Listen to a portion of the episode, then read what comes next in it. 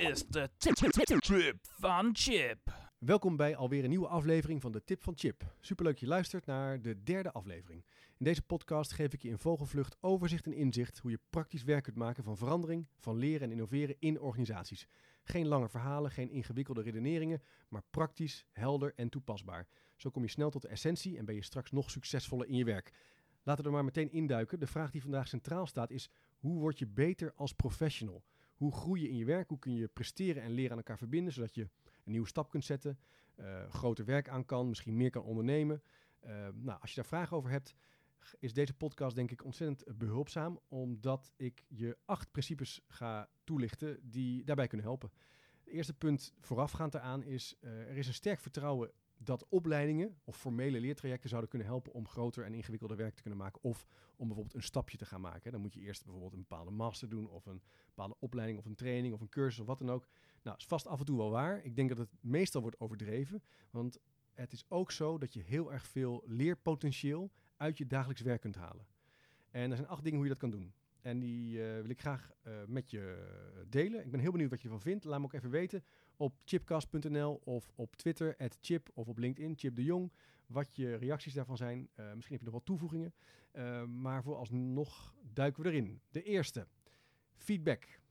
Ja, dan zou je denken, ja, feedback dat weet ik nou wel, dat ken ik nou wel. Maar een belangrijk punt is continu eigenlijk op zoek gaan naar hoe je dingen beter kunt doen. En ik zou zeggen, het punt van feedback is daarin heel erg behulpzaam, want je kan feedback heel klein maken. Dat is ook mijn belangrijkste advies. Maak feedback niet groot, maar ga eigenlijk kijken in een week of je constant op zoek kan gaan naar verbetermogelijkheden. Dat kan je heel simpel doen door na een vergadering of na een overleg of na een klantgesprek te vragen, joh, hoe voor het gaan? Uh, wat zou nou nog beter kunnen? Of wat is nou echt een probleem waar we het nu niet over hebben gehad? Of wat zie je me eigenlijk doen waarvan je denkt, dat zou ik wel meer mogen doen? Door op zoek te gaan naar verbeterkansen. Feedback dus heel klein en heel praktisch te maken. Dan maak je namelijk ook behapbaar. En dat is meteen ook de reden waarom grote 360 graden feedback trajecten niet werken. Want ja, je kan wel tegen iemand zeggen van ja, je zou wat meer overzicht moeten houden. Of je mag wel wat meer je positie innemen. Of je mag wat meer uh, luisteren. Maar wat is dat nou eigenlijk? Het is vaag, het is abstract, daardoor handel je er niet naar. Mijn advies is, maak het klein, maak het concreet. Zoek het erop in het werk en ga ernaar handelen. Nou, dat is meteen mijn tweede punt.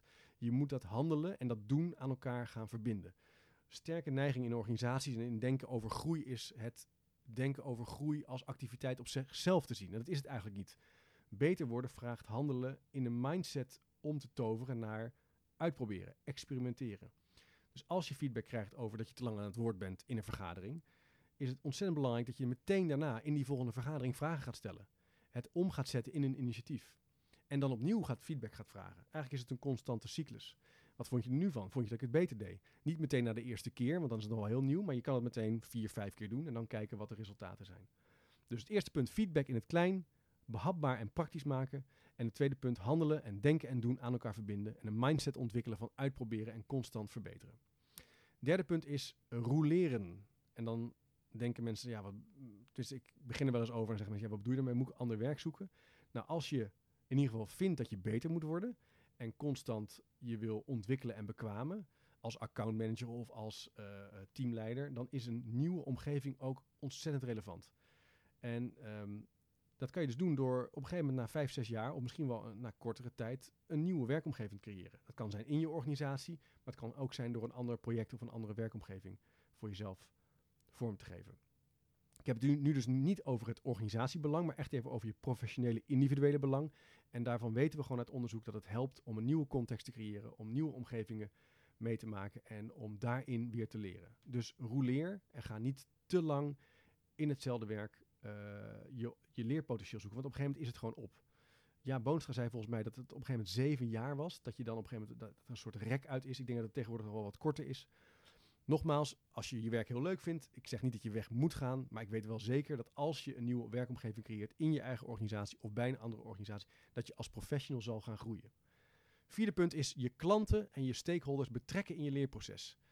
Het is dus wat anders dan je naar je teamleden of collega's uh, uh, gaan om, om feedback te vragen, maar je kan het ook heel goed doen door klanten en partners te betrekken, door ze te bellen en door te vragen van joh, hoe vond je eigenlijk dat ik dat deed? zou ik het beter kunnen doen? Of als je nou kijkt naar die waardepropositie die ik heb, uh, is dat nou optimaal? Zie je nou ook kansen die ik misschien niet benut?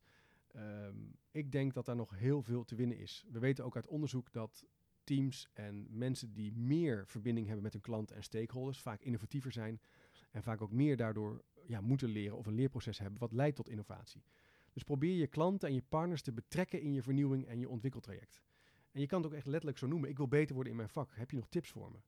En klanten zullen dat ontzettend leuk vinden. En, en daarbij is ook aantrekkelijk. Je laat zien dat het zo werkt. Dus je wordt ermee aantrekkelijk. En je vergroot ook een cultuur van op zoek gaan naar verbetermogelijkheden.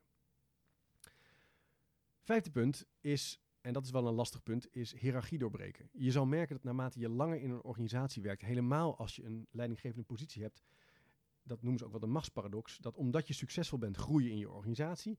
En juist het punt wat je uiteindelijk deed, um, wordt moeilijker om ook andere bekwaamheden te laten zien, omdat je daarmee ook succesvol bent. En daarmee zullen andere collega's je niet snel feedback durven te geven. Dus hiërarchie kan ook een belemmering zijn om te groeien en om beter te worden. Nou, hoe kan je dan dat doorbreken?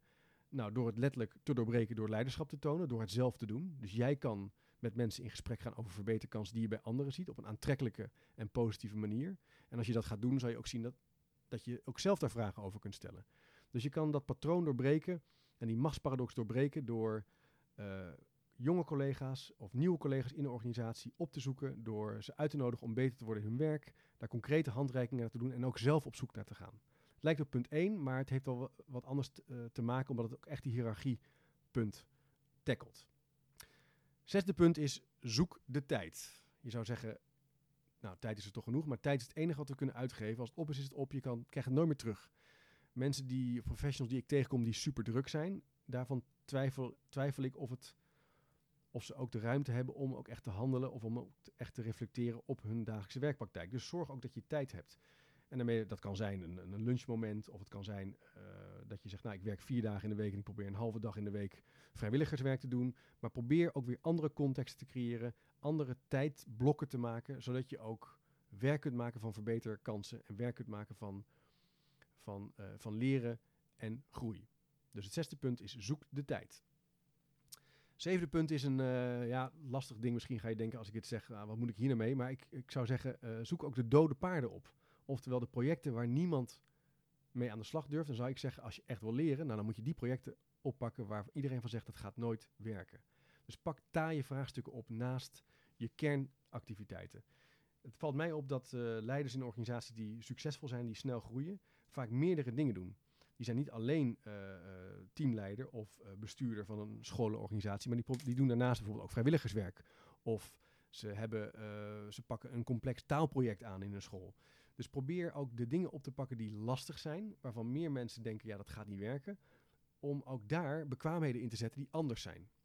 Dus dat zevende punt, probeer taaie dingen op te pakken, de dode paarden, waardoor je nou ja, wel gedwongen wordt om ook meer werk te maken van nieuwe vaardigheden en je ook in de kijker kan spelen om te laten zien hé, hey, dit kan ik dus mooi wel. Achtste punt en mijn laatste punt is, zoek iemand die beter is dan jij. Als er in je organisatie niemand is die beter is in jouw vak, dan kan je je afvragen of je nog wel voldoende leerpotentieel hebt. Een coach of een maatje of een vakgenoot aan wie jij kan spiegelen of aan wie jij de lastige vraag kan stellen, is enorm belangrijk. Uh, als je kijkt naar alle zelfhulpboeken die worden geschreven, of sorry, alle boeken die worden geschreven door hele succesvolle CEO's, zie je vaak dat zij ook een coach hebben of een maatje hebben. En uh, het wordt vaak enorm onderschat. Uh, maar het kan echt heel erg helpen. Het kan iemand zijn in je organisatie naar wie je opkijkt en bij wie je je prettig voelt om, om, om uit te wisselen. Maar het kan ook iemand zijn buiten je organisatie desnoods. Maar probeer hem wel op te zoeken en probeer ook een structuur te ontwikkelen waar je dat gesprek maandelijks, tweewekelijks kunt voeren. Nou, nog een laatste uitsmijter uh, zou ik zeggen, die staat niet in het rijtje van acht, maar een negende punt, zoals je zou kunnen zeggen, is uh, probeer ook een structuur en een ritme te houden die uitnodigt om beter te worden. Uh, ook dat vind ik heel interessant als je kijkt naar de boeken die zijn geschreven door hele succesvolle CEO's of uh, ja, mensen uit het leger, die altijd een vrij strakke planning hebben, uh, waarin ze ook tijd blokken om bijvoorbeeld dagboeknotities uit te werken of om hun aantekeningen uit te werken na een coachgesprek of om intenties om te zetten in experimenten of om bepaalde tijd voor hun familie te hebben. Probeer een werkritme te hebben waarin tijd blokken zijn om dat te doen wat je belangrijk vindt. Dat noemen ze ook wel jobcraft. Ik denk dat je daar ontzettend veel aan kan hebben. Door ook praktisch naar je week te kijken en te zien van hey, heb ik ook die ademruimte om ook even uit te blazen of even die coach te bellen of om dat feedbackplannetje ook om te zetten in experimenten. Als je namelijk alleen maar de feedback ophaalt in het klein en je denkt, hé, hey, ik ga naar handelen, maar je hebt geen tijd om het om te zetten in een experiment en dat vraagt toch tijd, ja, dan ga je niet in slagen om ook daadwerkelijk intenties om te zetten in concreet en praktisch gedrag. Nou, dat zijn mijn negen uitsmijters. 8 plus 1 zou je kunnen zeggen. Dus ik loop ze nog even langs. Feedback klein maken. Concreet, meetbaar in het dagelijks werk. Meerdere keren per week. Zodat je het kan omzetten naar experimenten en handelingsvaardigheden en gedrag. Dat is mijn tweede punt. Dus je mindset ontwikkelen die gaat over uitproberen en doen. Het derde is, uh, probeer niet te lang in je bestaande werk rond te blijven dobberen, maar rouleer en probeer nieuwe werkzaamheden en nieuwe vaardigheden te ontwikkelen in andere verantwoordelijkheidsgebieden. Het vierde punt is, betrek je klanten en je partners in je leerproces. Nodig ze uit, vraag om feedback, zoek ze op en organiseer een wederzijds uitwisselingsproces. Het vijfde punt is, doorbreek de hiërarchie door ook uh, naar jouw teamleden en jouw collega's uh, benieuwd te zijn naar uh, hun, hun, hun verbeterpunten en hun ook tips te geven en aan te moedigen om te verbeteren, zodat je een wederzijdse relatie creëert en je die machtsparadox die altijd op de loer ligt in hiërarchie doorbreekt. Dat betekent dat je een aantrekkelijke gesprekspartner moet worden. Dat vraagt dus ook echt wel wat moeite. Het zesde punt is zoek de tijd. Dus prop je agenda niet vol, maar blok tijd en organiseer tijd. Bijvoorbeeld door meerdere dingen te doen in je dagelijks, dagelijkse week. Niet alleen maar manager te zijn of niet alleen maar professional te zijn, maar bijvoorbeeld een paar uur per week op een school te werken of een paar uur per week zelf coach te zijn. Je ziet vaak dat dat enorm helpt en een soort reflectieproces aanjaagt die heel praktisch is. Het zevende punt is als je het allemaal zo makkelijk vindt, of je denkt ik ben uitgeleerd, pak dode paarden op, zoek projecten die moeilijk zijn, die taai zijn, waar niemand zich aan wil branden en ga die dingen doen uh, zodat het wel succesvol is. Nou, daar, daarmee ontwikkel je ook en speel je jezelf in de kijker. En je lost ook nog eens een uh, echt probleem op. Nou, dat is gewoon win-win. En zoek iemand die, uh, op die beter is dan jijzelf. Dus zorg dat je een coach hebt of een maatje van wie jij kan leren en aan wie jij kan optrekken. En als laatste punt, dat was de uitsmijter nummer 9. probeer een ritme en een structuur in de week te hebben die tijd heeft en tijd maakt om intenties om te zetten in gedrag. Uh, om je dagboeknotities uit te werken, om dat coachgesprek nog eens na te lezen, om die feedback-intenties om te zetten in gedrag, maar ook om naar je agenda te kijken. Nou, dat, dat vraagt gewoon ritme en structuur. Dat mijn negende punt. Nou, tot zover de vraag hoe word je beter als professional in de derde podcast, de tip van Chip. Ik hoop dat je het leuk vond. Laat me even weten op www.chipcast.nl of op uh, LinkedIn, Twitter of Facebook wat je ervan vond. Ik ben benieuwd naar je reactie. En als je een nieuwe vraag hebt, kan je op chipcast.nl slash doe mee of slash vraag je vraag stellen die ik dan behandel in een volgende tip van Chip. Tot de volgende keer maar weer.